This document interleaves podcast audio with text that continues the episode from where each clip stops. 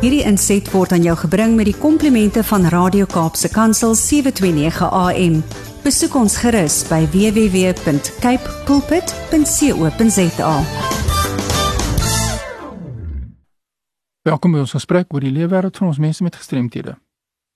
Ons gesels in hierdie reeks van programme oor redelike akkommodasie vir persone met gestremthede in die werk of universiteit of in die tuise bejaardes. Die beginsels bly maar oral dieselfde.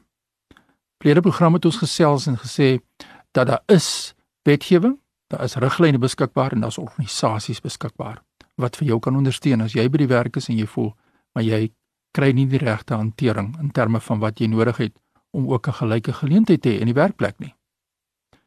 Maar ek het toe verwys na 'n persverklaring deur die Nasionale Raad van vir persone met gestremthede en ek kan verder met daardie persverklaring vandag.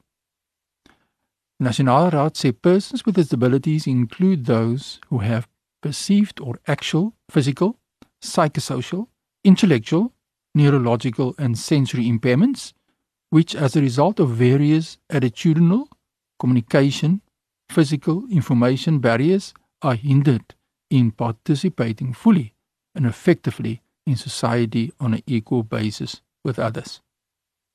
Nou kyk ons na die werkplek en 'n paar dinge kom hier na vore in die verklaring van die Nasionale Raad. Hulle sê wie is persone met gestremthede? En dan wys hulle die vyf verskillende forme van verlies of mense wat deur gestremdheid geraak kan word.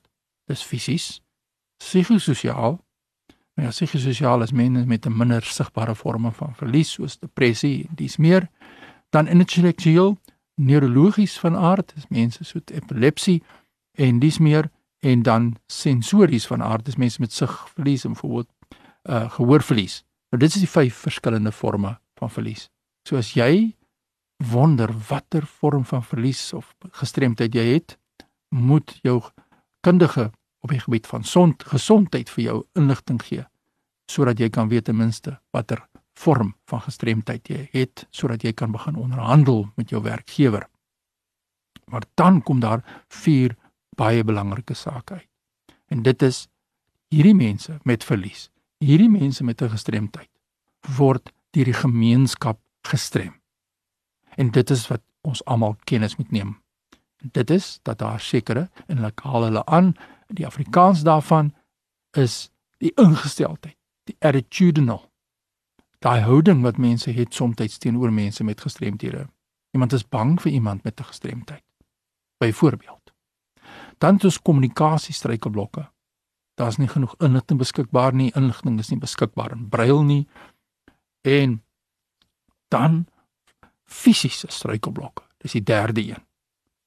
Dit is nou natuurlik dan nie uh, oprit is vir rolstoele nie en ander fisiese uitdagings en dan die laaste een wat die persverklaring na verwys en dit is inf information inligting inligting wat nie beskikbaar is dit is alles barriers soos dit hier staan barriers wat die breë gemeenskap daar stel of dit nou bewustelik is of onbewustelik is wat mense met gestremdhede weerhou om op 'n gelyke basis te kan meeding.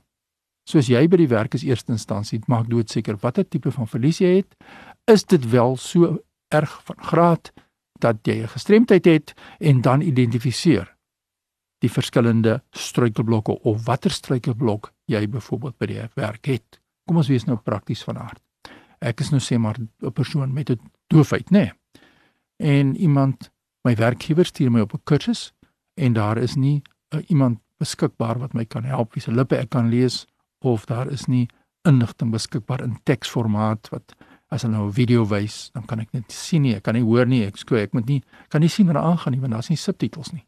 So het iemand wat nou skielik miskien sigverlies het of heeltemal blind is wat 'n brail gebruik, inligting is nie in brail beskikbaar nie. So daardie struikelblokke word opgestel deur die gemeenskap, bewustelik of onbewustelik, maar jy moet dit duidelik identifiseer. Nou in volgende program gaan ons 'n bietjie gesels oor hoe kan 'n mens dan daardie struikelblokke oorkom? En wat watter stappe volg 'n mens om by daardie antwoorde uit te kom? As jy nou inligting soek, miskien as jy 'n student op universiteit en jy voel jy kry nie daardie korrekte behandeling, daar struikelblokke elke dag, stuur 'n e-pos sommer nou aan my by fani.dt by mweb www.fani.co.za. Ek sal vir jou die inligting gee van die organisasie waar jy spesifieke ondersteuning kan verkry. My e-pos fani.tt by mweb.co.za. Hierdie inset was aan jou gebring met die komplimente van Radio Kaapse Kansel 729 AM. Besoek ons gerus by www.cape pulpit.co.za.